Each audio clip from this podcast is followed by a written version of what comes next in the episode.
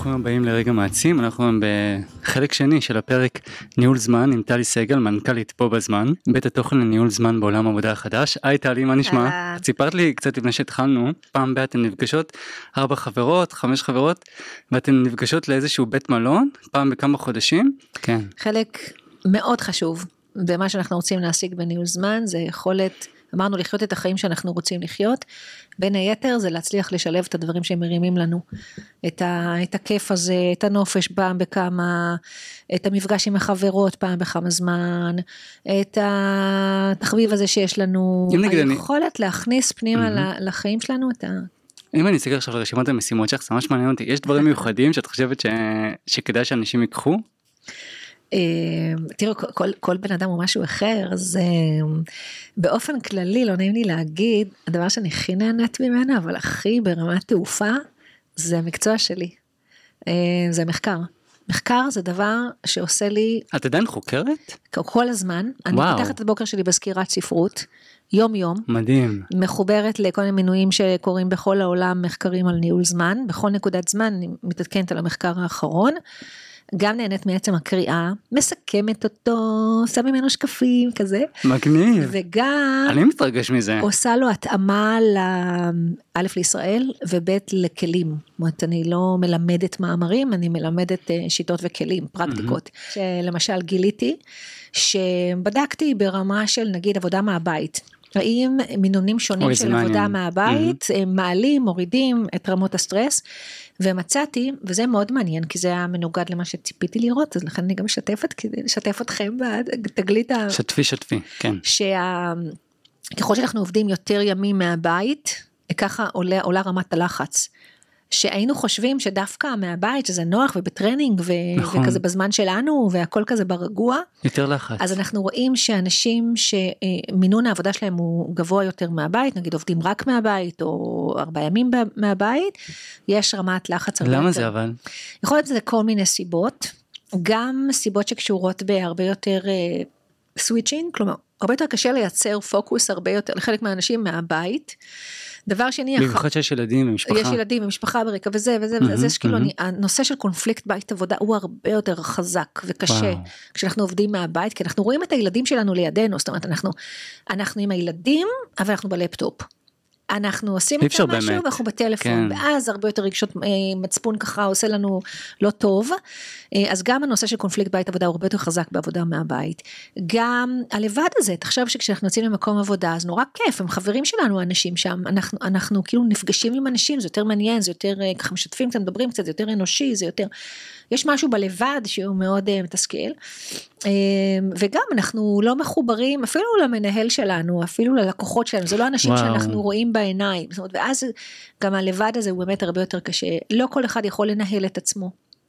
בצורה טובה, יש אנשים שזקוקים למסגרת כדי להצליח לנהל את עצמם בצורה טובה. אמ, איך אתה יכול לייצר לעצמך מסגרת נגיד ואתה עובד מהבית? המסגרת אנחנו יכולים לייצר אותה בצורה מלאכותית בכמה דרכים. הדרך הראשונה היא ממש דרך הלוז. כלומר, אני, אני מכניס משימות עצמיות בתוך הלוז, בצורה כזאת שיש לי לוז יומי, יש לי מסגרת יומית.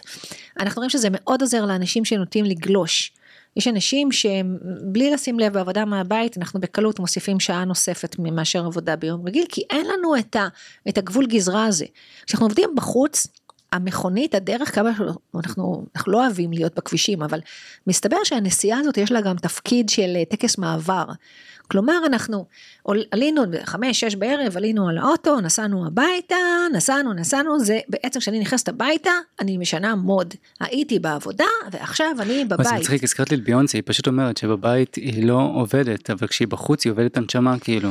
יש משהו במעבר הזה שהוא באמת אה, מייצר גם מעבר מנטלי, מעבר בראש. וואי זה חשוב. מאוד אבל חשוב. אבל מה עושים? היום כולם כמעט עובדים מהבית. עוד דרך לעשות את, ה, לעשות את ההפרדה הזאת, את ה, לא את ההפרדה אלא את, את היכולת אה, באמת, אה, זה כל מה שקשור במעברים שקשורים בהתלבשות בבוקר, mm-hmm.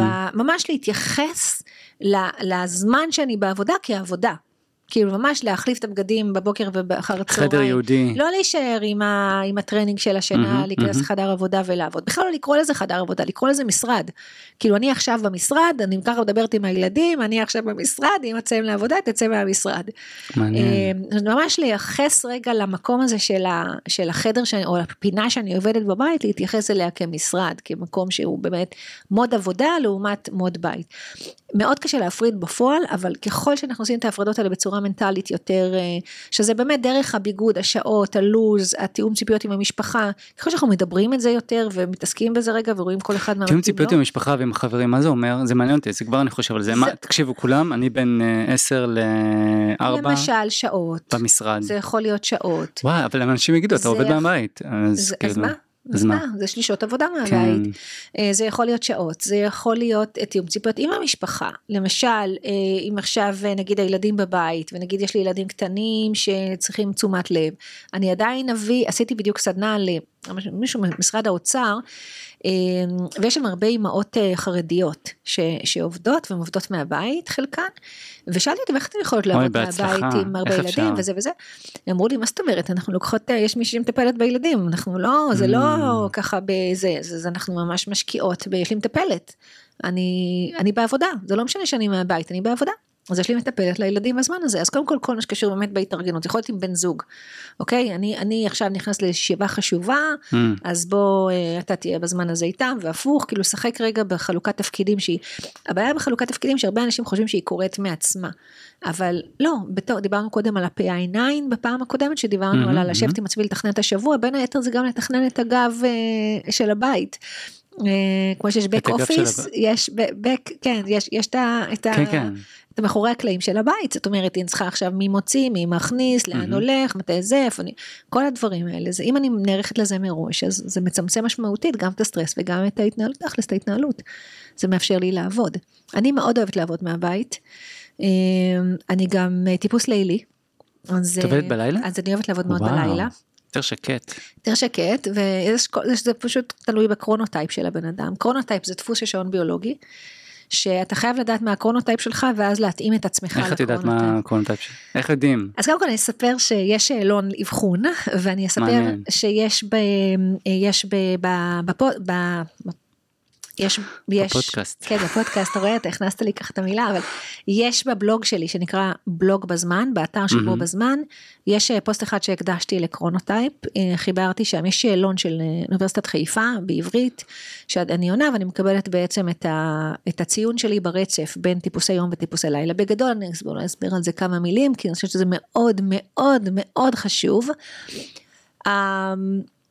טיפוסים אה, מתחילים בטיפוס בוקר, זה אותו טיפוס, חמש וחצי בבוקר, יקיצה טבעית, הולך לעשות מועדון לחמש בבוקר, לרוץ, חוזר, מתקלח, מדיטציות, עבר על היומן, עשה את כל המיילים, אני עוד לא התעוררתי, הוא כבר גמר חצי יום, אוקיי? זה נקרא עפרוני, ציפור, ציפור mm-hmm, היום, mm-hmm. ובקצה השני של הדבר הזה יש בעצם את ציפור הלילה שנקראת ינשוף.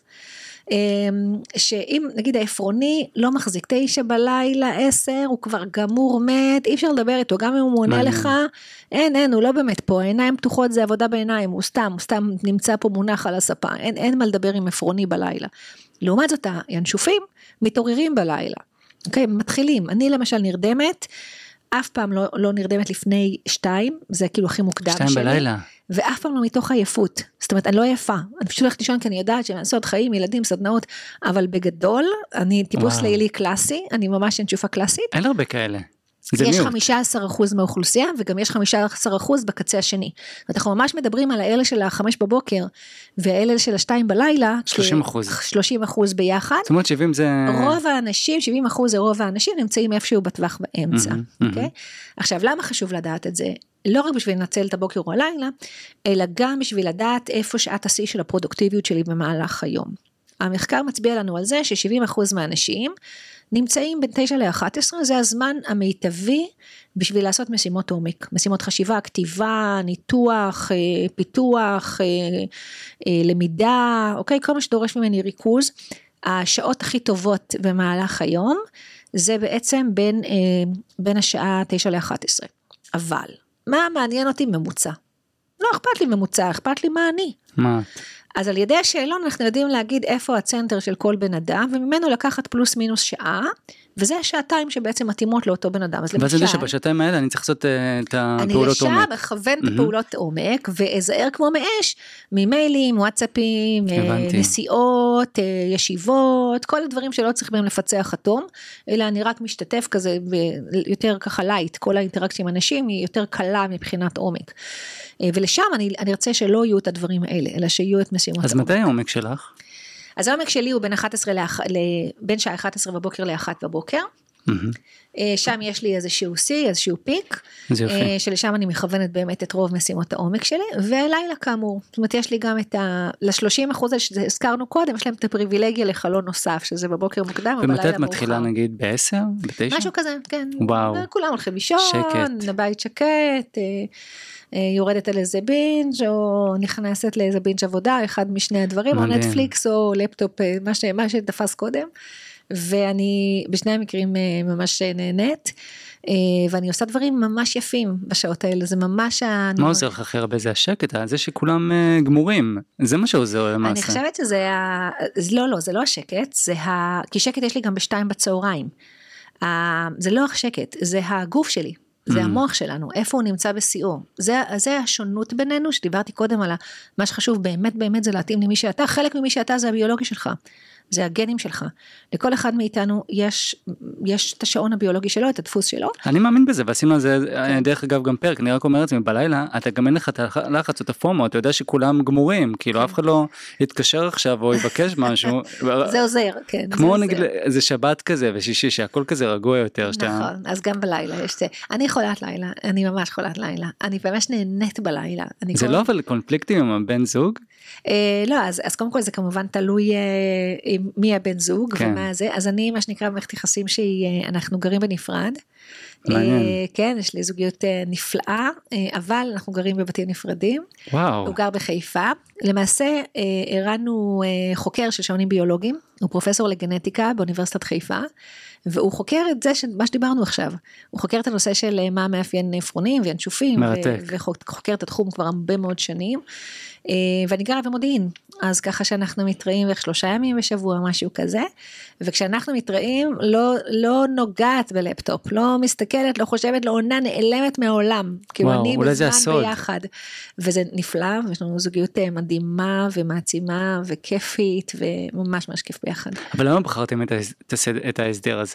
בעיקר כי כל אחד נמצא, ככה אנחנו בערך שש שנים עכשיו, בערך שש וחצי שנים, אה, לי יש את המשפחה שלי, את הילדים שלי, והוא mm. עם החיפה שלו. אז אה, זה ככה יותר נוח. אני מניחה שבאיזשהו שלב נתאחד, אבל uh, כרגע זה, זה מה שמתאים. זה לא איזושהי בחירה אידיאולוגית, זה כרגע איזשהו סוג של אילוץ. ואת מרגישה שזה יותר טוב ממה שהיה לך לפני? בכללי את חושבת שזה הסוד אולי? אני, לא, אני לא ממש מתפתה להגיד לך כן, אני ממש מתפתה להגיד לך כן, יאללה תגידי, כי אנחנו ממש אוהבים להתראות, זה נראה ככה, זה נשמע ככה, ממש מרגישים uh, טוב, החיבור מאוד מאוד טוב, uh, ומתגעגעים, ואז הגעגוע עושה טוב, uh, ומאוד מאוד טוב לנו ביחד, אבל אני חושבת שאין ספק שהמתכונת הזאת מוסיפה טוב. אה, אבל אני שוב אני לא רוצה לא, לא הגעגוע לא, הזה. לא להרחיק לא להפריד לא לפצל. כן, כן בהצלחה למי שרוצה גם אה, עוד דירה כאילו בתל כן, אביב כן, נדל"ן אז זה מדהים כן. אז זהו אז אנחנו אה, פעם שעברה סיימנו למעשה בפי אין עין שאת אמרת שזה הדבר החשוב ביותר הפגישה העצמאית הזאת עם עצמך פעם בשבוע את עושה את זה בימי שישי ודיברנו גם על הספר של סטיבן קובי לא דיברנו עליו כל כך הפעם אנחנו ניכנס אליו קצת יותר העיקר להתחיל בעיקר. ו...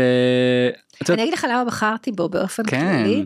כי סטיבן קובי, שבעת הרגלים של אנשים אפקטיביים במיוחד, כולם מכירים.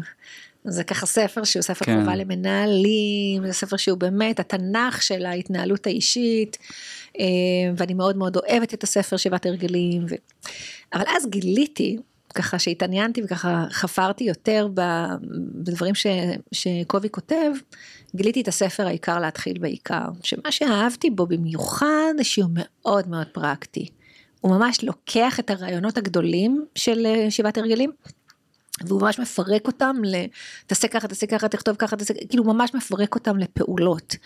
אמ, זאת אומרת, הוא לוקח מרעיון החלום ועד רעיון הביצוע, איך אתה עושה את הדרך. מהחלום ועד הביצוע, מהשאיפה, הרצון, הדברים גדולים, הדברים חשובים, ועד בסוף איך זה תופס משבצת ביומן. וכמעט ואין ספרים כאלה, שהם לוקחים את ניהול זמן, כמו שאני תופסת אותם, בכל המרחב של מהאסטרטגיה של החיים, מניהול החיים, ועד הקטנות של רשימות ויומן. ובעיניי זה ניהול זמן, ניהול זמן הוא מתחיל גבוה, הוא מתחיל למעלה, הוא מתחיל בשאיפות, הוא מתחיל באיך אני רוצה שהחיים שלי ייראו, הוא מתחיל שם, איפה יש פער בין מה שאני רוצה שיקרה לבין מה שקורה בפועל. אה, ולשם סטיבן קובי מכוון ב, ב, בספר ובפי הזה. ובפי עין עין שלך, אז שם את רושמת את השאיפות שלך? שם את עושה את, את העבודה הזאת? כן. טוב, אז תראה, קודם כל באופן כללי אני אגיד שמערכת לכידה טובה עושה את העבודה, זה לא בהכרח הפי עין עין, אלא איפה שלחדתי, איפה שכתבתי את המחשבות ואת הרצונות קודם. ואז כשאני מגיעה לפי עין עין, אני רק עוברת את זה. אז אני עובדת עם וואטסברת, שזה וואטסאפ מחברת אליכם שכזה שוב, okay. אוקיי. שהרעיון הוא קבוצה עם עצמי בוואטסאפ. אמ, ששם אני מכניסה מחשבות, אני מכניסה לעצמי רצון, יש לי כמה וואטסברות. איך היא נקראת הקבוצה הזאת? אז זה מה שזה, אז, אז הרבה אנשים יש להם קבוצה עם עצמם בוואטסאפ, mm-hmm, רק mm-hmm. אני כבר, אני כבר נכנסתי למחקר של הדבר הזה, ואני רואה כל טעות אפשרית שאנשים עושים עם הקבוצה עם עצמם בוואטסאפ. יש לי איזה חמש כבר, קבוצות כאלה, כן, נכון, מה הטעויות? אז קודם כל, חמש אני... יותר טוב מאחד, אני, אני כבר אגיד למה. אוקיי. Okay. אבל אנשים אוהבים לקרוא לקבוצה הזאת כל מיני שמות כאלה של השם שלי, או, או אני עם עצמי, me myself and I, כאילו okay. אוקיי, קבוצות כאלה, okay, אוקיי, כלליות כאלה, mm-hmm. ומה שקורה בקבוצה כללית, שמהר מאוד היא הופכת להיות אה, זבל, פח זבל, בדיוק, Ooh. זורקת לשם, זורקת לשם, זורקת לשם, ובכלל לא מסתכלת, לא חוזרת לשם. אז יש שני דברים חשובים שצריך לדעת אה, לגבי וואטסברות, אה, אחד, כן. אמ, שכדאי שהוואטסברת תהיה מאוד ספציפית. ככל שהיא תהיה יותר ספציפית. קבוצה בוואטסאפ, כן. קבוצה בוואטסאפ, סליחה. לא, אין בעיה. קבוצה עם עצמי בוואטסאפ, שהיא תהיה מאוד מאוד ספציפית. ספציפית. כלומר, שזה דברים שאני אוספת שם, הם דברים לייעוד מאוד מאוד מסוים, שכשאני יושבת אחר כך אני יודעת מאיפה לשלוף את זה. אני אתן כמה דוגמאות לוואטסברות, לקבוצות עם עצמי בוואטסאפ. דוגמה אחת, היא וואטסבר, היא קבוצה עם עצמי שנקראת למצגת. מה יש בה? המצגת master שאנחנו מעבירים בסדנאות, אה, בעצם כל תמונה, מחקר, mm. רעיון, כותרת, אה, אה, סרטון יוטיוב, כל דבר שאני יכולה מדהים. להכניס למצגת, שאני רואה במעלה, וגם בגלל שאני מדריכה כל כך כבר היום איזה 30 אלף איש כבר הדרכנו, אז אנשים כל הזמן שולחים אליי דברים שהם רואים, ואז אני שומרת את זה בוואטסברת. ואז, מגניב. אני יושבת פעם בכמה ימים כאלה, יושבת אה, אה, על הקבוצה הזאת שנקראת למצגת, פותחת את המצגת master, ומתחילה לעדכן אותה עם הדברים, זה דברים לא הולכים לאיבוד, שום דבר לא הולך לאיבוד, מחכה לי שם. ואת מרעננת כל פעם את החומר, זה מצוין. כל הזמן, כל הזמן, המצגת שלנו מתרעננת כל שבוע בערך. אמ, איזה דוגמה אחת? זו דוגמה אחת. דוגמה נוספת נקראת אה, to go. to go זה וואטסברת, זה קבוצה עם עצמי שאני משתמשת בה בנהיגה. אמ, וואו, שהיא למעשה כל מה שהוא בסאונד. כל פודקאסט שמעניין אותי, כל אה, פרק, אה, פרק זה, כל יוטיוב שמעניין אותי, כל קורס דיגיטלי שמעניין אותי, כל אה, וובינר, אה, כל אה, הרצאת TED, כל מה שמעניין אותי, אה, וואי רעיון טוב, אה, ספר מוקרא, כל מה שהוא אה, עובד על voice, על סאונד, אני שולחת אותו לתוך ה-to go, ואז כמי שנוסעת הרבה מאוד שעות בשבוע, אני בעצם שמה לעצמי את ה... פותחת את ה-to go, שמה לעצמי איזה משהו להאזין, אבל בעצם כבר עשיתי את הסינון, יש שם רק דברים שווים שכבר סיננתי ואני נורא רוצה להקשיב ואני אוהבת mm-hmm, לשמוע אותם, mm-hmm. ואז גם אני, הספק שלי בהאזנה הוא מטורף, וגם אני, אני לא מרגישה את הכביש, אני לא מרגישה כאילו את הלחץ של הפקקים, אני לא מרגישה את השעות על הכביש, אני פשוט לא מרגישה, כן, אני ברגע. נהנית מהכביש, mm-hmm, mm-hmm. אני פשוט נהנית מהדרך. אה, וזה מאוד מאוד מאוד אה, אה, עוזר לי, אז זה קבוצה to go. הקבוצה השלישית היא קבוצה, ונסיים בזאת, אבל היא קבוצה שנקראת בית המדרש. בית המדרש היא קבוצת קניות. אה, ששם אני לא לבד, אני עם הילדים, עם כולם, עם כל הגדוד. בית המדרש, אוקיי. היא נקראת בית המדרש כי הם כל היום דורשים. אוקיי, לא ראיתי את זה, ואז הם, אה, הם בעצם מכניסים כל מה שהם צריכים בחיים, אם זה משהו לבית ספר, או קוטג' או חבילה בדואר. בעצם כל מי שבמשפחה שמשהו צריך לעשות במרכז אז שולחים לנו לתוך בית המדרש ואז הראשונה מאיתנו אני או הבנות הגדולות או מי שהראשון שנמצא בעיר בעצם מכסה את כל הצרכים של כולם מגניב. מרביץ את הקניות או מה שצריך שזה יוצא ממש ממש טוב ויעיל גם כי כאילו שום דבר לא הולך לאיבוד והכל מרוכז באותו מקום אז זה קבוצה. לא הבנתי בדיוק אתם שולחים נגיד סתם דוגמה קניות לחם קוטג' נגיד ביצים לא משנה כל מה. כל מי שצריך משהו. אוקיי. כי, כי כל אחד 아, אה, בבית. ואז אני קונה את זה בשבילו? ואז הראשון שמגיע נגיד לסופרמרקט, mm. נכנס לוואצברת שנקראת... או מי שבדואר לוקח את הדואר. או מי שבדואר, כן, פשוט מי שנמצא באזור. אוי, זה באמת יעיל. זה יעיל, וזה זה אפילו לעשות את זה עם חברים. וזה פשוט, עכשיו יש מיליון אפליקציות, למה צריך לקניות קבוצה עם עצמי בוואטסאפ כשיש כשיש כל כך הרבה אפליקציות של קניות. והתשובה היא שהוואטסאפ הוא כל כך ידידותי גם לילדים וגם ל... זאת אומרת יש לי, יש לי בבית כיתה ד', יש לי כיתה ו', זאת אומרת יש לי ילדים ש... mm-hmm. שמבחינתם זה הרבה יותר נוח במקום האפליקציה שאמא מנהלת איפשהו. אז, אז זה ככה מאוד מונגש ומאוד נוח ומאוד יעיל, זה עושה את העבודה מדהים. וזה במקום אחד גם. הכל במקום אחד.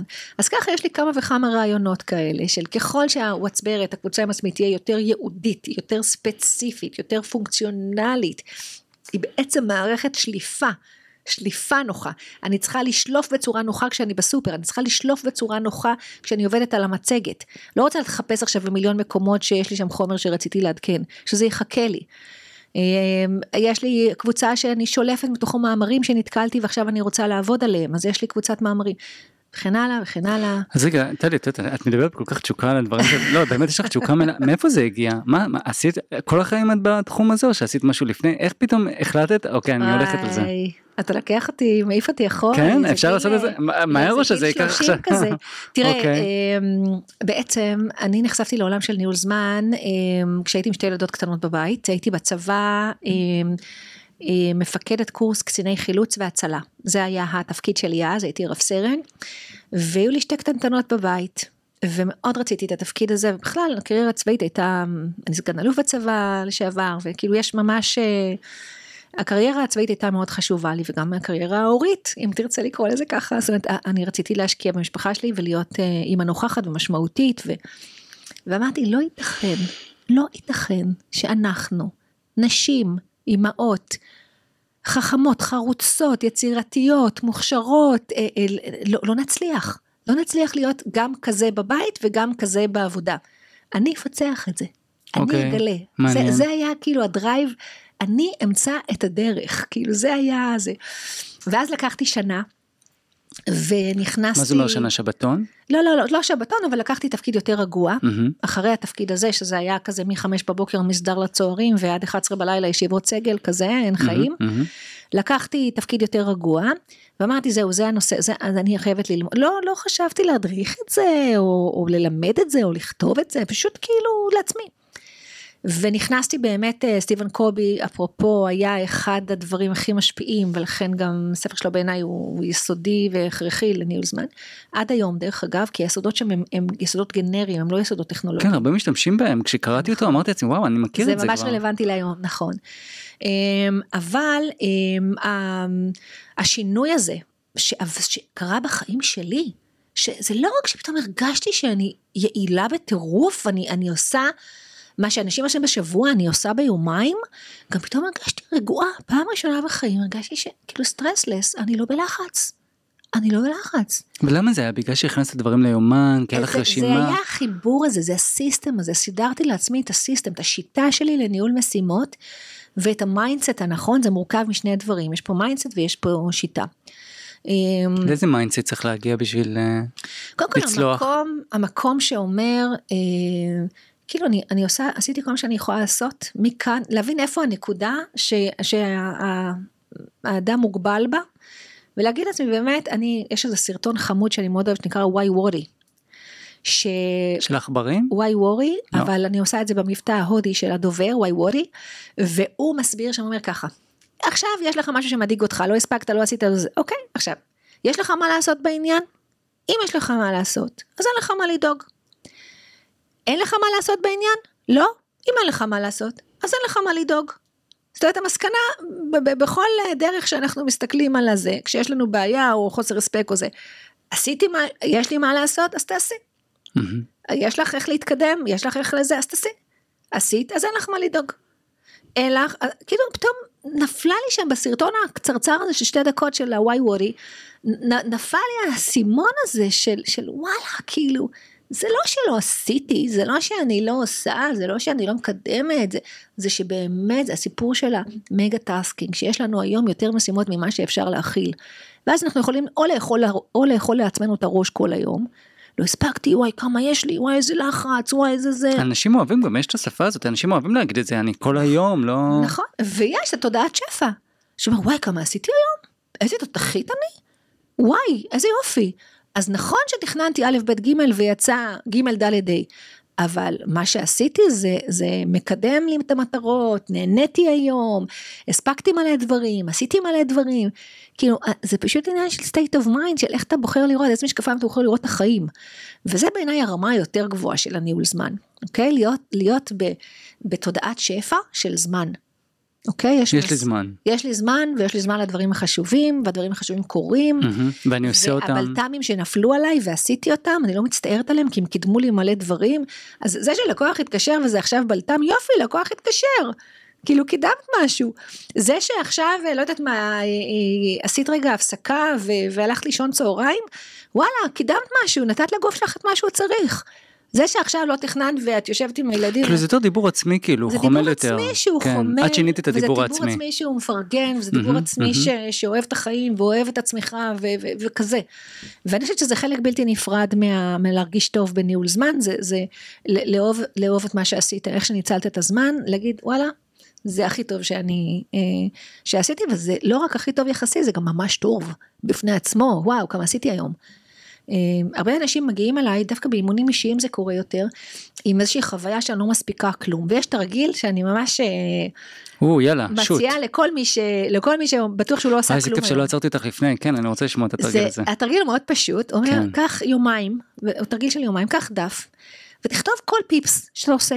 פשוט עכשיו אני בטלפון עם זה, הייתי בטלפון okay. עם זה. אוקיי. עכשיו אני שולח אה, את התוכנית להוא במייל, שלחתי את התוכנית להוא במייל. Mm-hmm, mm-hmm. עניתי ללקוח, אה, דיברתי עם הלקוח על זה וזה. ככה, תכתוב את כל מה שעשית. הלכת לישון שעה, הלכת לישון שעה. כי פשוט וואי, לכתוב מעניין, את כל מה, ש... כל מה שעשית בפועל. את עשית את התרגיל הזה? כן, לא רק זה, גם מתאמנים עשו okay. אוקיי. ויצאו עם חוויית וואו. עכשיו למה וואו? מה וואו בזה? כולה אני כתבתי מה עשיתי, מה פה הסיפור? כשאנחנו מסתכלים על הרשימות האלה אנחנו מבינים שני דברים. א', כל מה שעשיתי היה חשוב למשהו. כל מה שעשיתי היה חשוב שתרם לי באיזשהו אזור, באיזשהו משהו, אז, אז כנראה אנחנו, הסדר עדיפות שלנו האינטואיטיבי הוא מאוד מאוד טוב. ואנחנו מגלים שאנחנו מסתכלים על רגע מה עשינו, זה הרבה דברים חשובים אנחנו עושים במהלך היום. דבר שני זה הכמות, אנחנו קולטים כמה עשינו. אז אנחנו באיזושהי חוויה של לא עשינו כלום, לא עשינו כלום, עשינו גם עשינו. תראה כמה דברים עשית. אנשים יוצאים עם עמודים של דברים שהם עשו, של, של דברים שנעשו mm. באותו יום, עמודים שלמים שהם כותבים, כותבים, כותבים, עמודים שלמים של דברים שהם עשו. מדהים. אני חושב שהתרגיל הזה טוב גם בשביל להיות מודע למה, לזמן שלך. אז א', פתאום אתה לא נכון, יושב על טוויטר או על נטפליקס. א', להיות מודע לזמן.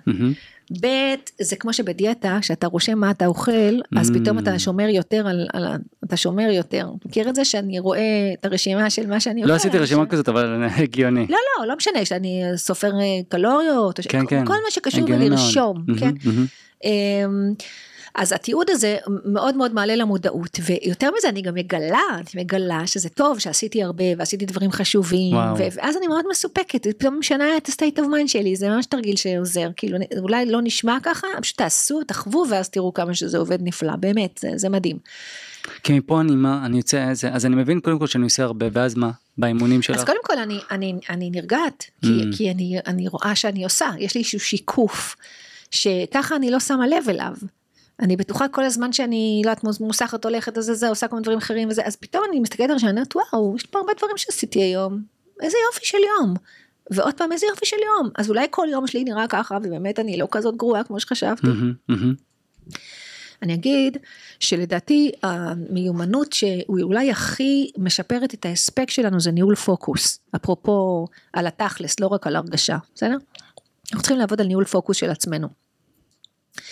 ניהול פוקוס אומר לקפוץ פחות מדבר לדבר אם עכשיו אני יושבת על משהו ואני רגע הטלפון תופס את תשומת ליבי או, או משהו באיזה מייל שקפץ תופס את תשומת ליבי או מישהו בדלת נכנס ותופס את תשומת ליבי זה קורה מלא כל הזמן. קודם כל מי שהכי מפריע לנו אתה יודע מי האדם שהכי מפריע לנו אנחנו לא אנחנו 44 אחוזים מהסחות הדעת הן פנימיות הן אישיות עצמיות מחשבות מהראש המחשבות mm-hmm. כאילו אני, אני, אנחנו רואים אנשים שכל שניה קופצים רגע לאיזה לשונית אחרת במחשב או קופצים רגע לטלפון, נכון. שזה לא הייתה נוטיפיקציה, שזה לא היה התראה חיצונית, אלא פשוט... טוויטר הארור, טוויטר. נכנסים מרצון, זאת כן. אומרת שאנחנו המסיכים הראשונים של עצמנו. ואז נכנסת טכנולוגיה, שזה כל ההתראות וכל הזה, הסביבה, זה המקום השלישי שאנחנו רואים שם את זה, ואז בעצם מה שאנחנו רוצים לעשות, אנחנו רוצים לנטרל את כל הערוצים האלה. מול הפרעות עצמיות, מול, אה, כן, mm-hmm. זה, מה שאני ממליצה, זה כשאני יושבת עכשיו על משימת עומק, כן. כשאני עכשיו כותבת משהו, עובדת על משהו, mm-hmm. לשים לעצמי דף. לבן, חלק, בצד, לקחת מהמדפסת או לתלוש מהמחברת את, ועכשיו אני מתחילה לעבוד.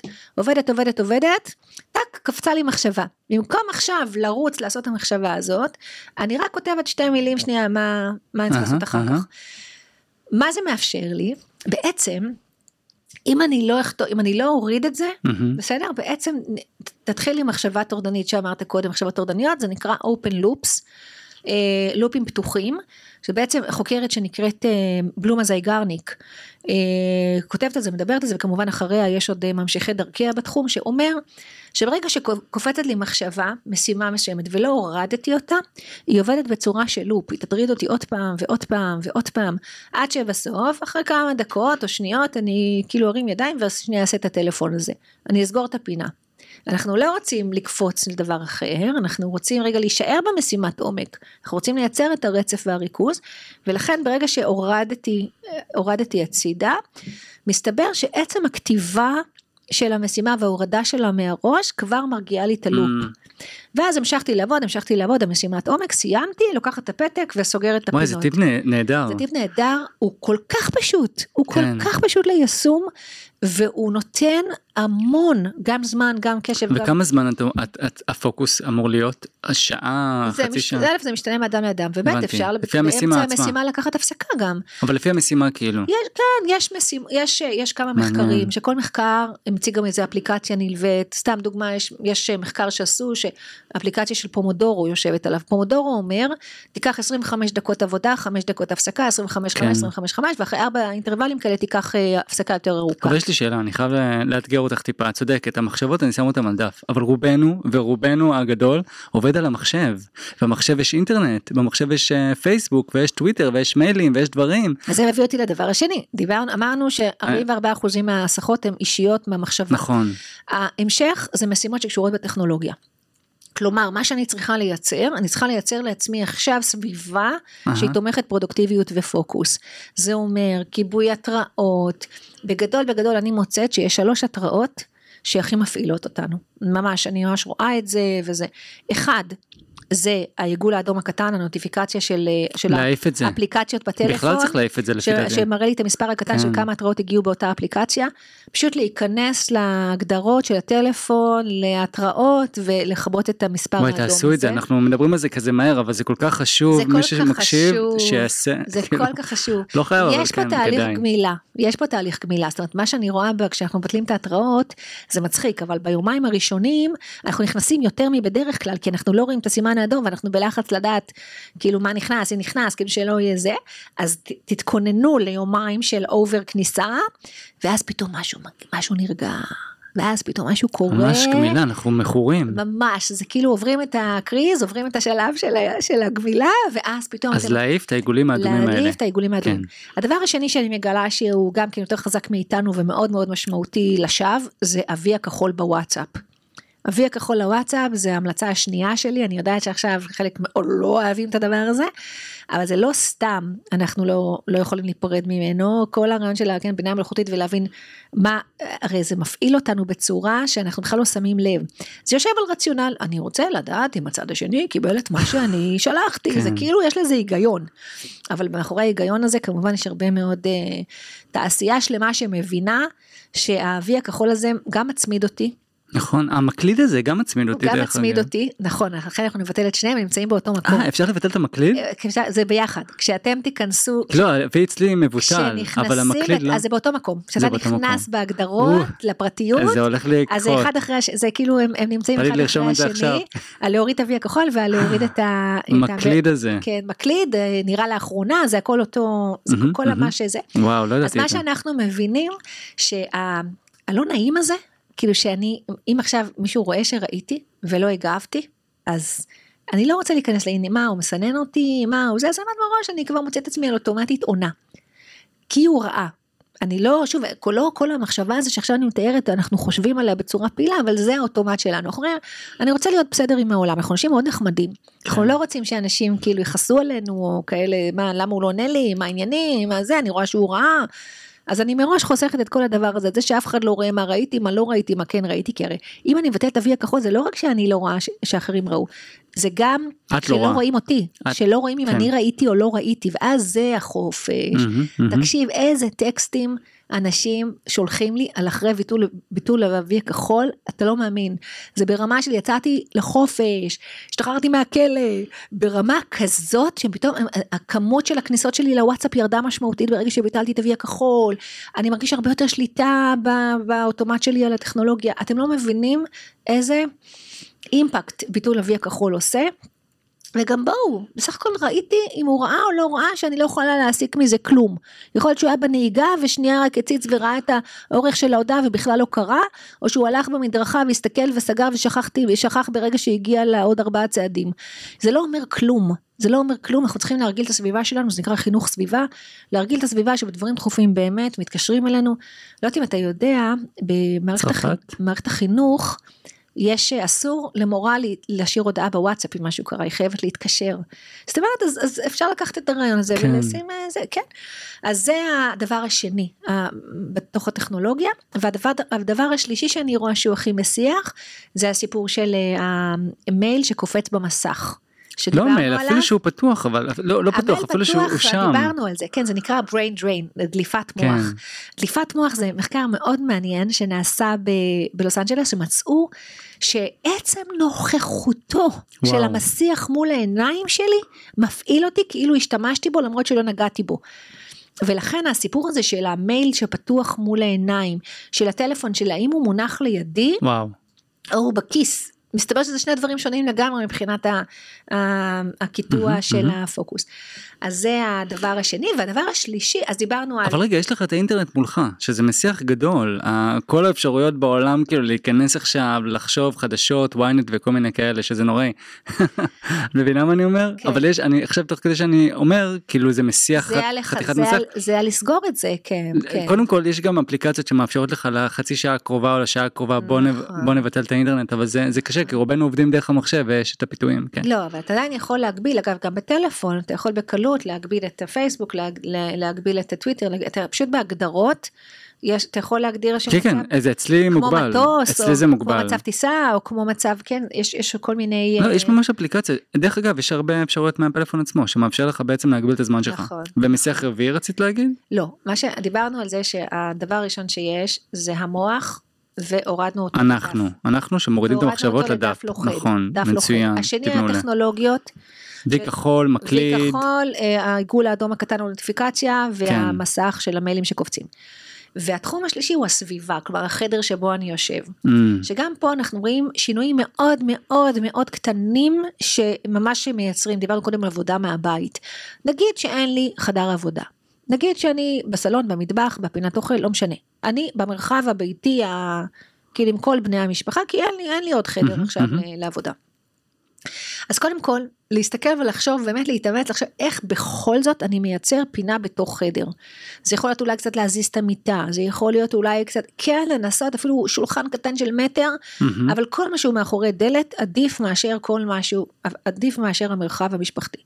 בדקתי, בדקתי, אין לי, מה הלאה? עכשיו אנחנו בתוך המרחב המשפחתי, נגיד התיישבתי בשולחן במטבח. גם בשולחן המטבח יש כמה כיסאות. ואפילו הבחירה שלי באיזה כיסא לשבת יכולה להיות קריטית, כי אם אני עם הכיסא שמופנה לכלים, אוקיי, או למקרר, זה מפעיל אותי. מעניין. או הכיסא שבחרתי עם הפנים לסלון ולנטפליקס שהילדים עכשיו בזה, או לזה, זה מפעיל אותי. מעניין. ולכן אני אעדיף את הכיסא שהוא מול או קיר. או המקום הכי עצוב כאילו. או לא, למה? זה יכול להיות גם נוף. אני כן, לקחתי, כן. השולחן שלי הוא מול, אה, הוא מול נוף, כאילו מול okay. אוקיי. החלון, אה, מול החלון, ואז כאילו זה לגמרי יותר אופטימי מקיר, וגם בקיר אפשר לעשות דברים נחמדים ולשים נכון. זה, אבל בגדול שאין לי מסיכים, אין לי שום דבר שזז לי מול העיניים ומדבר לי מול, כאילו זה. אני חושב באוניברסיטה דווקא אמרו לנו אפילו בלי נוף, רק קיר עצמו, כאילו. כן, גם נוף, גם נוף אתה מפתח אליו, הוא נהיה mm. סטטי. Mm-hmm. הוא נהיה סטטי, אפילו נוף דינמי נהיה סטטי בתפיסה. לילדים אתה יכול גם לפתח סטטיות? מה זה, כן, להקפיא אותם, אה, כן, אבל אה, למשל, אה, לשבת בבית קפה, אוקיי? אם עכשיו אני צריך לבחור אם לשבת נגיד עם הפנים לכביש, כמו שזה מעבר לחלון, כן? אבל שאני רואה תנועה mm-hmm, של מכוניות, mm-hmm. או עם הפנים לאנשים אחרים, אני עדיף עם הפנים לכביש, כי באמת הסיפור הזה של אני מפתח איזשהו שלב של אדישות כלפי mm-hmm. המכוניות, ואז באמת, וכמובן אוזניות, בסדר? אז זה דוגמאות. כן, את עובדת עם אוזניות? אה, אצלי יש, כשאני עובדת יש לי שקט, אבל זה כאילו, כשאני לא, כשאין לי את השקט אז אני, אני נעזרת באוזניות. כאילו אוזניות כאלה כאלה, גדולות כאלה? אוזניות גדולות, יש להן קטע, כי הם כאילו גם מכניסים אותנו לקונכייה, mm. זאת אומרת, הם עושים לנו קטע פסיכולוגי של קונכייה כזה, שאני עכשיו בתוך עצמי מרוכז במשהו, זה כאילו ממש מייצר לי איזה... נכון. אמ, אז זה דבר אחד, דבר שני, הן מסמנות לעולם. וואו. הבן אדם צריך שקט. עכשיו אף אחד לא מתקרב אליו, וזה נכון גם במקומות עבודה, במשרדים שותפים, לפעמים אפילו אנשים שמים סתם, אוזניות סתם, מניחים אותם רק בשביל שיהיה להם אוזניות, וזה מאותת לעולם של לא להתקרב, וזה עובד יפה. תקשיבי, אני יכול לאמץ את זה. והדבר השלישי, כמובן אפשר לשים באוזניות, אה, את, דיברנו על מוזיקה שהיא מוזיקה מותאמת mm-hmm, פרודוקטיביות, mm-hmm. או אפילו את, ה, את הרעש הלבן הזה, כאילו שזה משהו שהוא אפשר גם... יש מלא רשימות בספוטיפיי וביוטיוב. מלא רשימות ממש, mm-hmm. כן, שעובד על כל מיני כאלה, יש מיני רעשים כאלה. כאלה. ועד גלים ורוח וכאלה, אה, אבל באמת אפשר גם סתם להניח, כאילו זה מדהים איך שאוזניות יכולות לעשות אה, עבודה טובה, אז אם אתם בסביבה שהיא כך שזה, אז כן הייתי לוקחת גם את זה. ובסוף דבר אחרון, אני ממש אוהבת את הרעיון והיצירתיות של לצאת מהמקום הרגיל, אין לנו הרבה משימות עומק. איפה שיש לנו אותם, לדאוג שתהיה לנו פינה אחרת. זה יואו, זה כל כך חשוב מה שאת אומרת עכשיו, כן. כן, עכשיו, אנשים כך נבהלים, מה אין לי כסף, מה זה, מה we work, מה זה, כל מיני כאלה של עכשיו נכנס שיקול תקציבי. כל ספרייה עירונית, באמת לא נעים לי להגיד, כל ספרייה עירונית. כן, בואי נעשה איזה נקודה קטנה, אני לא מכיר ספריות אחרות ב... Okay. אוקיי. כאילו מחוץ לתל אביב, בואי תגידי לי את, כאילו מהניסיון לא, שלי. אני אומרת, לכל, לכל, לכל יישוב יש ספרייה בערך, נכון. הספרייה היא דבר מאוד שקט, יש שם מישהי שממונה על השקט, okay. אוקיי. יש לי שולחנות מסודרים, אוניברסיטאות לי, גם, אוניברסיטאות, ספריות כן. של אוניברסיטאות, אה, זה מדהים, זה מדהים, ואז אפשר, יש עוד מקומות, אנחנו פה בבית אריאלה, יש פה למעלה חדר ש, שיושבים שם מלא מלא אנשים ועובדים, אף אחד לא מפריע לאף אחד, זה לגמרי מותאם לעבודה, יש וי-פיי חזק, יש הכל כאילו חינמי, לא צריך עכשיו לחשוב על העלות של, של דברים, כי זה לא בהכרח עלות, שעלות לא תהיה המחסום. אה, זה לא שאתה צריך לשכור עכשיו משרד קטן באיזה אה, מקום שנותן משרדים. אה, זהו, זה ה... עכשיו, אני אתן לך דוגמאות שאנשים עושים. זה טיפ כל כך חשוב, כן. זה לא רק בחוץ, זה גם בבית. למשל מרפסת, למשל חצר, למשל גג.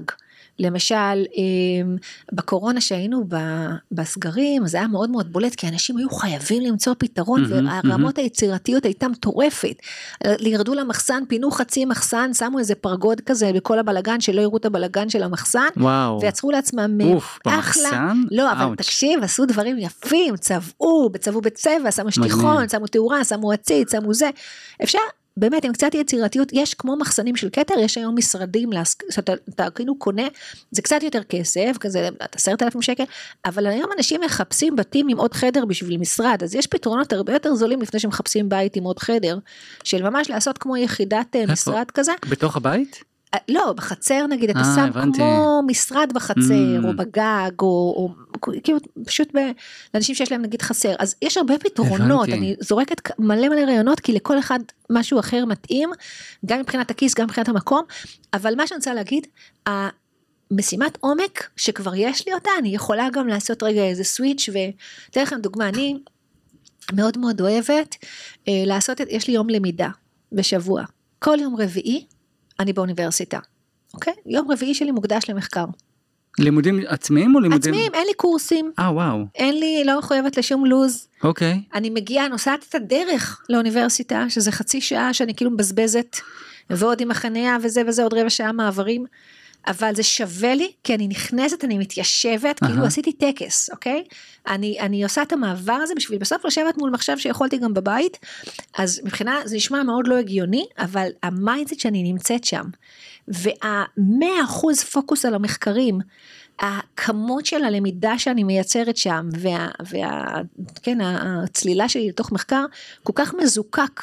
וכל כך... זה קשור לדוקטורט או שזה קשור ל... זה קשור לכל דבר, לא, זה קשור ל... אני, אני עושה גם קריאה שהיא רלוונטית לעבודה שלי. זאת אומרת, יש דברים שיגיעו משם למצגת ויש דברים שיגיעו משם למחקר. הבנתי. אבל אני, אני קוראת, אני מוצאת את עצמי בפוקוס נפלא. טלפון סגור?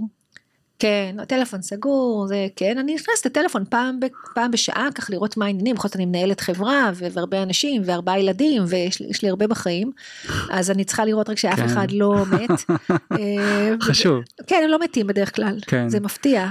זה מה שאנשים צריכים לזכור שבדרך כלל הם לא מתים אז כאילו לא אני, אני אנחנו צוחקים אבל אני זוכר שהייתי בתקופה בגמילה שלי מהפלאפון וואי אבל אנשים יחפשו אותי ומה יקרה ואתה לא עונה ישר ובסוף אתה לומד באמת עם הזמן כלום לא קורה הכל בסדר. הכל בסדר אנשים יחזיקו מעמד אם לא תענה להם באותה שנייה. נכון.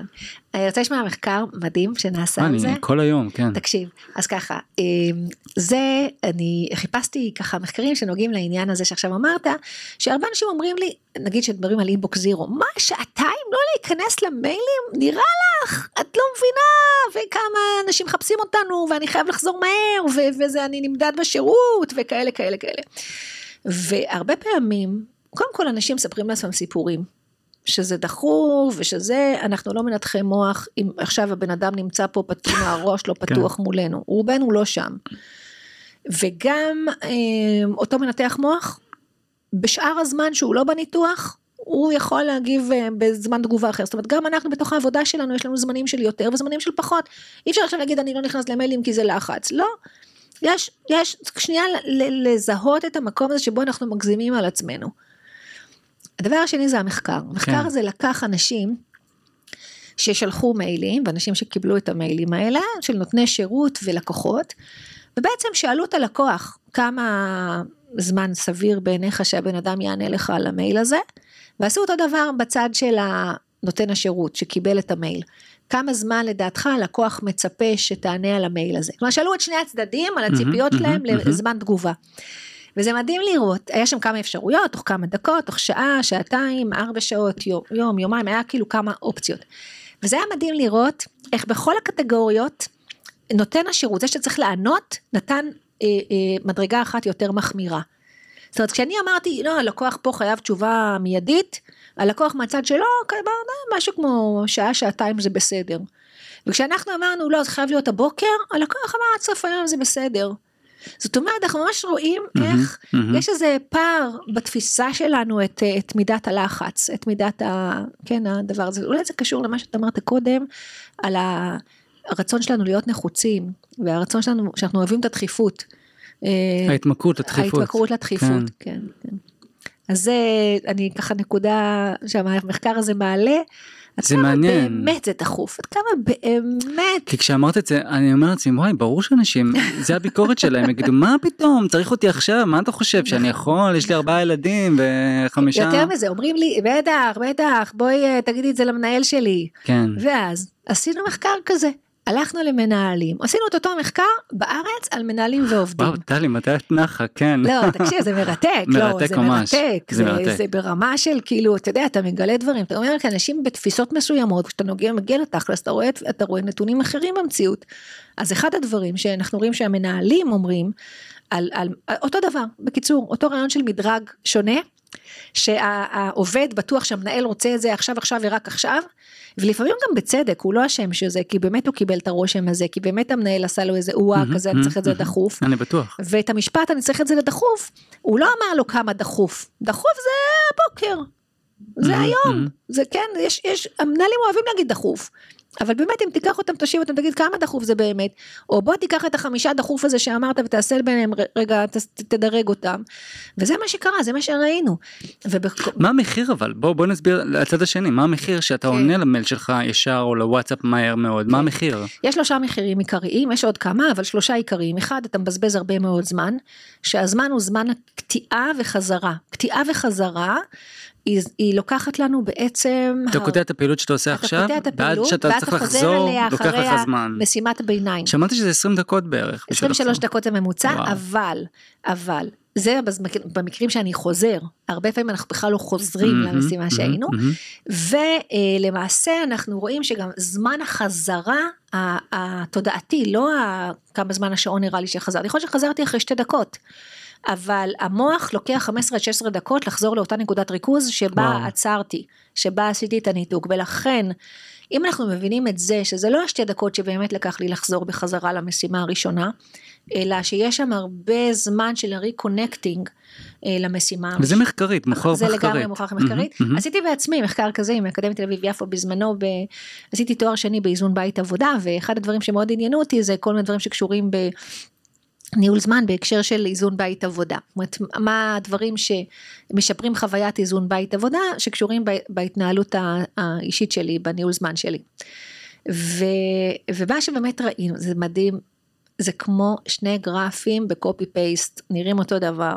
ככל שאנחנו עושים יותר סוויצ'ינג, ככל שאנחנו קופצים יותר מדבר לדבר, קוטעים משימה, הולכים, חוזרים, ככל שאנחנו, התדירות של הדבר הזה יותר גבוהה, אנחנו רואים רמת לחץ הרבה יותר גבוהה ביום יום שלי בעבודה. אני מדברת על מחקר שנעשה על 6,000 איש בדקנו במחקר הזה, זאת אומרת זה משהו מאוד מאוד מאוד גורף. וככל שפחות, התדירות של קפיצה מדבר לדבר יותר נמוכה, כך גם רמת הלחץ יותר נמוכה. זאת אומרת יש קשר ישיר בין לחץ לבין אה, אה, מידת הקפיצה מדבר לדבר. אני זוכר, אני עבדתי באיזשהו משרד והייתה שם די פתוחה. וכל פעם אנשים היו אה, פותחים אה, ומבקשים דברים. אתה עובד על הדברים החשובים שלך וזה כתבי דין וכל מיני דברים כאלה חשובים ופתאום אנשים כל פעם פותחים את המשרד ויוצאים ומבקשים תביא, אני צריך את זה, אני צריך פה, אני צריך שם. ואז אתה כאילו, אני, אני זוכר רמות הלחץ היו הרבה יותר גבוהות. נכון. ויש גם את העניין של טעויות, עושים יותר טעויות, mm. ויש גם את העניין של, של הרבה זמן שמתבזבז, זה הרבה זמן שמתבזבז, זה mm-hmm, לחץ mm-hmm. וזה טעויות. Mm-hmm. אלה שלושת המחירים של הסוויצ'ינג, הכי בולטים, הכי מוכרים. אמ, יש אמ, בתחום של פוקוס בכלל, אמ, גם שזה התראות וגם שזה סביבה וגם הנושא הזה של קפיצה מדבר לדבר, שאל אותי מה הדבר שהכי הופך אותנו להיות לא יעילים, אה, זה הסיפור הזה. אם אנחנו יודעים לנהל את הפוקוס שלנו, לקפוץ ממשימה למשימה. לקפוץ ממשימה למשימה. כן, עכשיו, עכשיו אי אפשר, אי אפשר, אנחנו לא חיים בבועה ואנחנו לא אנשי המערות, אנחנו מוקפים בטכנולוגיה מפתה, ולכן ההבנה היא שכל משהו יותר טוב ממה ש, שיכול לעזור לי, אפילו אם זה לא במאה אחוז, תמיד אני אומרת, לוקח אה, פי שתיים יותר זמן לעשות משימה, נגיד אותם שלוש משימות, תעשה אותם אחת אחרי השנייה או תעשה אותם בקפיצה ביניהם, זה לקח לך שעתיים, זה ייקח לך ארבע שעות, אוקיי? אז מה שאני אומרת, אנחנו כנראה לא יכולים אה, להתנתק מהמציאות ומהפיתויים, ואנחנו יכולים לעשות את מה שאנחנו יכולים לעשות, why worry. מה אנחנו יכולים לעשות? אהבתי שאת עושה את זה מהמבטא, כן. אנחנו יכולים לעשות את, ה, את הכיבוי התראות, את השינוי זה, את ה, מה שדיברנו. Mm-hmm. אבל יש דברים שאין לי ברירה ואני צריך לעשות, אז אני אומרת, תן להם את הזמן. עדיין, זה לא יהיה ארבע שעות מתוך ארבע בסדר, אז יש שלוש שעות מתוך ארבע, זה לא יהיה שעתיים מתוך ארבע. הבנתי. זאת אומרת, אתה יכול לחסוך ביום של תשע שעות, אתה יכול לחסוך אפס מאמץ, לחסוך שעתיים. Uh-huh. מה תעשה בשעתיים האלה? מה שאתה רוצה, לך לישון. זאת אומרת שיש בלת"מים, יש דברים שיפריעו לך, אבל רוב הדברים לא. אבל רוב הדברים הם יהיו כן, אתה תצליח לשפר. אל תצפה להרמטיות. אהבתי את הנקודה הזאת. אל תצפה להרמטיות. אין שחור גם... לבן בחיים, אתה מבין? אז כאילו, וגם תהיה סלחן לעצמך איפה שזה לא עובד. אולי זה גם הטיפ החשוב, תהיה סלחן לעצמך, אתה נכנס כן. לאיזושהי פעילות חדשה, אנחנו אומרים פה על ניהול זמן. במיוחד שזה יותר חזק מאיתנו, זאת אומרת ההבנה היא כן. שזה יותר חזק מאיתנו, ולכן אם אנחנו יכולים לעשות משהו חיצוני כדי לעזור לי מהמסכות האלה, זה מאוד זה, ויש מה לעשות כמו שראינו. את יודעת שזה מזכיר לי שזה שכתב את משחקי הכס, שכחתי את שמו, את יודעת שהוא משתמש במחשב נפרד, בלי אינטרנט, בשביל לכתוב את היצירה שלו. אבל רובנו צריכים, צריכים אינטרנט בשביל העבודה שלנו, אז אין מה לעשות, אבל הוא אומר שיש לו מחשב כן. נפרד, שם הוא כותב הכל. אז רגע, אז אנחנו באמת, אנחנו מדברים פה באיזה, אנחנו מסיימים שוב פעם פרק. לא, טל, לא, כן, לא, טלי, אבל אני, אני יודע, לא מסכימה. לא, יש לנו זמן, יש לנו עוד כמה דקות, אבל אוקיי, רגע, שנייה. לא. אז בואי תגידי, איך את... טוב, נחמד לי מדי. לא, את נהדרת, אבל בואי תגידי... משהו מהספר? לא, לא משהו מהספר. אני רוצה שעכשיו אנחנו מדברים על ניהול זמן, מה את רוצה, מה חשוב לך שמי שמאזין יצא איתו? לגבי ניהול זמן, יעילות, דיברנו על הרבה דברים כאלה. מעבר למה ש... מעבר למה שדיברנו. אז אני חושבת שהבשורה של הפרק הזה זה הסוויצ'ינג. אתה שואל אותי מה, אם הקודם היה לעשות PI9, PI9 הוא מכניס אותי למוד של תכנון, הוא מכניס אותי לחשיבה על הדברים החשובים, הדברים הגדולים, הדברים שמאוד אה, זה. אבל עכשיו הכנסתי את הדבר הזה ב-PI9 לתוך היומן, את הדבר שחשוב לי. איך אני עושה שהוא יהיה לא שלוש שעות אלא שעה וחצי, זה כבר הניהול פוקוס. כלומר, בפרק הקודם דיברנו על אפקטיביות, בפרק הזה המקום של פוקוס לוקח אותנו ליעילות. Mm-hmm, mm-hmm. ללא רק מה אני בכלל עושה, אלא את מה שבחרתי לעשות, איך אני עושה יותר יעיל. אוקיי? Okay? שזה הסיפור של הפוקוס. הפוקוס הוא פה ה... אהבתי גם מה שאמרת, לקחת מקום ספציפי מנותק כאילו למשימות עומק. אני ממש חושב כן. שאני יכול... אה, יש, אה, יש, אה, אתם יודעים, כל הזמן אנחנו עושים משימות מתפרצות, משימות שנכנסות לנו, שנדחפות לנו ככה ליומיום, בלת"מים וכאלה, ונותנים להם עדיפות על פני תכנון, על פני הדברים החשובים. למעשה יש כזה, עשינו כזה מחקר, באמת אנחנו רואים ש, שזה בת, ב, ב, מאוד מאוד משמעותי, הנטייה שלנו לדרוס מה שתכננו בשביל מה שמתפרץ עלינו. Okay. אוקיי? שזה דברים דחופים אבל לא חשובים. חלק חשוב וחלק לא חשוב, אבל תמיד הדחוף הוא יותר כן. מהחשוב בפעולה. יש מחקר שעשו באוקספורד בשנת 2018, אה, לא מזמן, זה נקרא The Mere Urgency Effect, אה, אפקט הדחיפות, אה, נגיד משהו רק דחוף, דחיפות גרדה או רק דחוף. אוקיי? אפקט הרק דחוף נקרא לו. אוקיי. שמה שהוא מראה לנו שאנשים נוטים לעשות משימות אה, שהן אה, חשובות, שהן מתפרצות, אה, בלי שום קשר לחשיבות שלהן. ויתרה מזאת, ככל שהבן אדם יותר עסוק, הוא נוטה לעשות משימות, יותר משימות פחות חשובות. וואו, אוקיי? מעניין. יש משהו כשאני עסוק עסוק עסוק עסוק שאני לא עוצר רגע לחשוב ולהסתכל. Mm-hmm. והנקודה הזאת של הרגע לעצור, להסתכל על הדברים שמגיעים כמו שדיברנו קודם על הבלת"מים, לעשות את הבלת"מים שנכנסים, להיות מסוגל לסנן אותם ולהגיד mm-hmm. רגע לאן זה הולך עכשיו. האם זה לביצוע עכשיו או אחר כך. כאילו רק את השאלה הקטנה הזאת למתי זה, למתי הבלת"ם הזה? אני רוצה שזה ישקע שנייה, השאלה החשובה הזאת למתי זה, כן? לא, האם זה, האם זה חשוב לעכשיו או שאפשר לדחות את זה? הרעיון הוא לבטל אוטומט. לבטל זה אוטומט. הסיפור, לבטל לא אוטומט. לענות ישר. האוטומט, the mirror urgency effect, אומר שאנחנו על אוטומט במענה כן. המיידי. וזה יושב גם על זה שמישהו ביקש מאיתנו משהו, זה הרבה פעמים קשור באנשים אחרים. רגע, אבל אם אני על אוטומט, מה זה אומר? זאת אומרת שאני עושה יותר דברים ב... לא נוטה, חשובים, אני לא אני לוקח דברים שהם חשובים. אני נוטה לקחת את מה שבא אליי ממישהו כן, אחר, הבנתי. אני קוראת לזה מאחורי, מאחורי הדחוף יש דוחף. זה שיש מישהו אחר שפנה אליי, okay. אוקיי. הוא בעצם אה, אה, גורם לי בתור בן אדם נחמד, שאוהב בריות ורוצה לרצות. בדיוק. ומה שרובנו, הרבה מאיתנו כאלה, כן. מה שרובנו. The disease to please, כן. כן, אז, אז בסוף יוצא שאת הדברים הסופר חשובים והסופר ה... שיקדמו אותנו, נכון. ואת המטרות שלנו, ואת המשפחה שלנו, ואת העבודה שלנו, ואת... באמת חשובים הולכים הצידה בשביל מאחורי הדחוף יש דוחף, אז מאחורי הצמיחה, הצמיחה. ההבנה שזה בידיים שלנו להחליט, לקחת, והדברים שחשובים לנו ולצמיחה שלנו, אנחנו ניתן להם את העדיפות, מאחורי הצמיחה הצמיחה, מאחורי הדחוף יש את הדוחף, וזה מכל המלחמה בין שני הדברים האלה. אני צריך עכשיו איך, איך ממש לקחת את זה לחיים האישיים. זאת אומרת שאתה, קודם כל אתה יכול לרשום לך על פתק את הדברים שחשובים לך באמת, סתם דוגמה שתדע, אבל מעבר לזה, באים כל הזמן... יומן, יומן, יומן, היומן, היומן, יומן, לא, אבל, אבל תוך כדי שיש לך את היום הזה, נגיד יום שלישי, סתם דוגמה, ובאים בלת"מים ודברים דברים, אתה צריך פשוט לשאול את השאלה הפשוטה, האם זה דחוף, כן, או והאם זה נכון. גובר בחשיבות שלו על, על הדברים, על העקרונות שלי, ברגע שיש לי יומן, כן. בעצם אני מבינה שהבלת"מים, הזמן, השליש יום הזה פחות או יותר שאני משאיר ביומן לבלת"מים, בעצם מונע ממני אחר כך אה, גם לדרוס את עצמי וגם אה, להגיע לתוך הלילה עם משימות אם לא בא לי וכל מיני דברים כאלה ש... או לא להגיע בכלל למשימות. ברגע שאני משאיר קצת שליש יומן אה, ריק, שליש יום ריק, הוא בדיוק המקום הזה לבלת"ם. ואז אני עושה לפי היומן, אני מצליח לעשות את המשימות שקבעתי לעצמי ביומן. היומן, הרציונל של יומן יושב על עיקרון שנקרא implementation intention, כוונת יישום. החוקר פיטר גולוויצר מצא שברגע שאנחנו מכניסים משהו, מתכננים משהו, מכניסים אותו ליומן, הסבירות שהוא יקרה היא משמעותית משמעותית יותר גבוהה. אני אתן דוגמה, לקחו קבוצה, שתי קבוצות נגיד, של אנשים, אמרו להם לכו תעשו ספורט פעם בשבוע, תכתבו מתי התאמנתם ונבוא עוד כמה חודשים לבדוק מה העניינים, כמה התאמנתם mm-hmm, באדיקות. ומה שמצאו, שהקבוצה ששחררו אותם, אמרו להם לכו תעשו ספורט, שלום להתראות, 30 אה, ומשהו אחוזים, 34 אחוזים מהם אה, עשו אימון פעם בשבוע.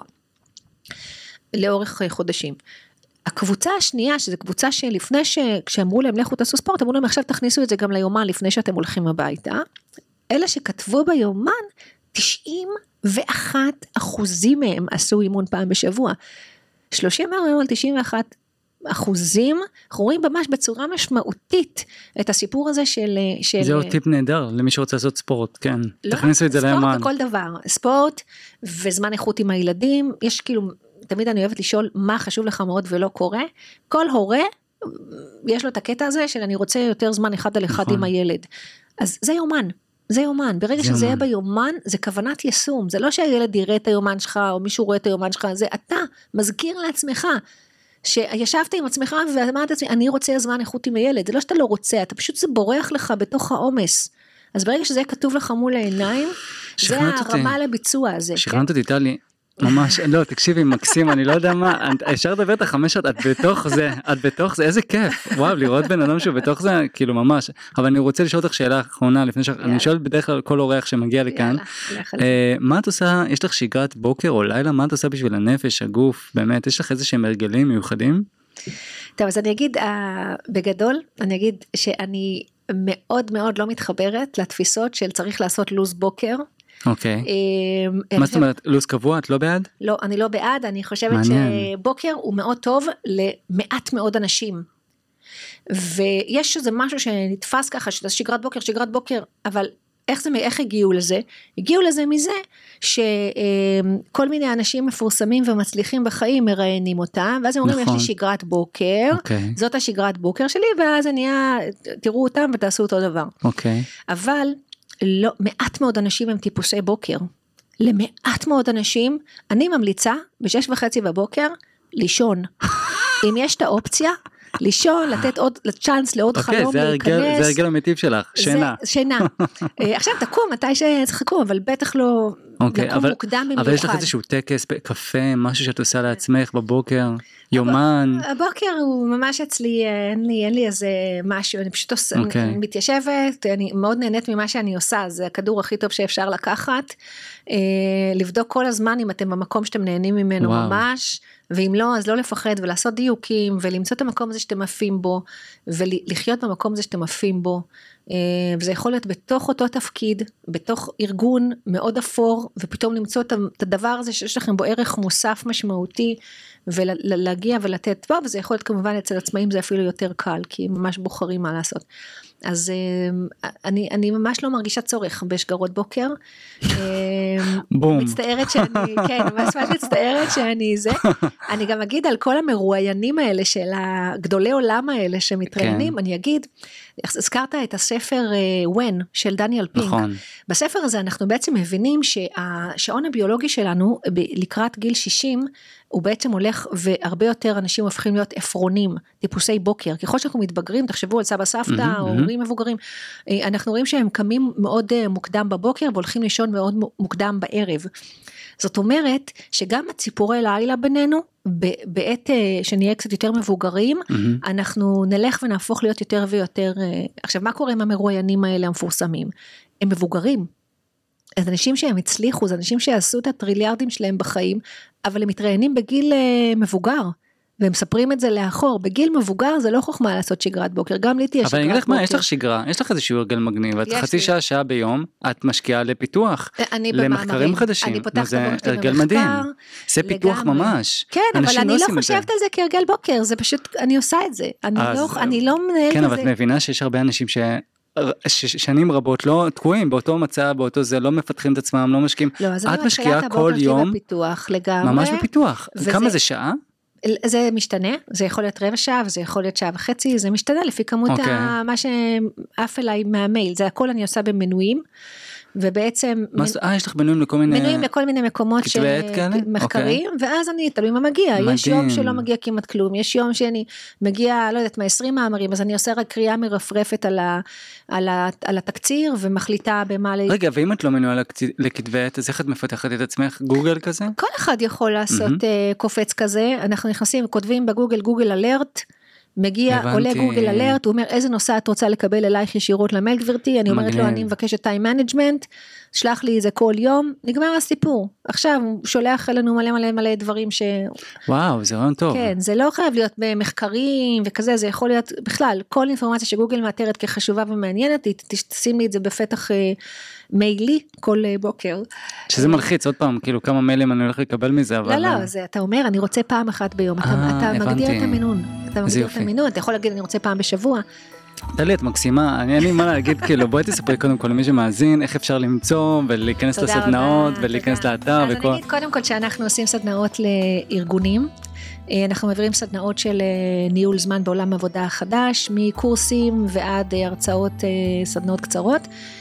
שממש עושה שינוי משמעותי בחיים של אנשים. יש ניהול זמן אישי ויש ניהול זמן ארגוני. אנחנו מתייחסים גם לניהול זמן ארגוני ברמת ה- לקבוע נהלים שתומכים פרודוקטיביות בארגון.